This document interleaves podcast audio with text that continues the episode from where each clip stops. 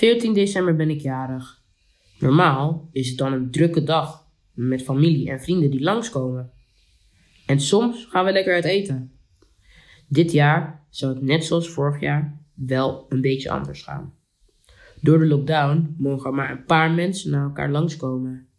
Dus was er al een heel plan voor wanneer opa en oma en de rest van de familie langs mochten komen. Het werd helaas nog veel erger. Ons hele gezin kreeg corona. En we zaten ineens met z'n allen in thuisquarantaine.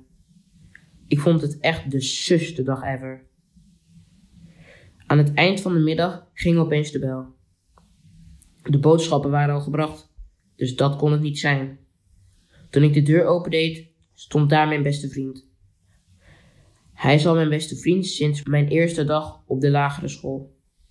Hij was door de regen de wijk doorgelopen om mij een verjaardagskaart te brengen. En of als ik weer in quarantaine was, we weer iets leuks gingen doen. Toen had ik toch nog een leuke verjaardag.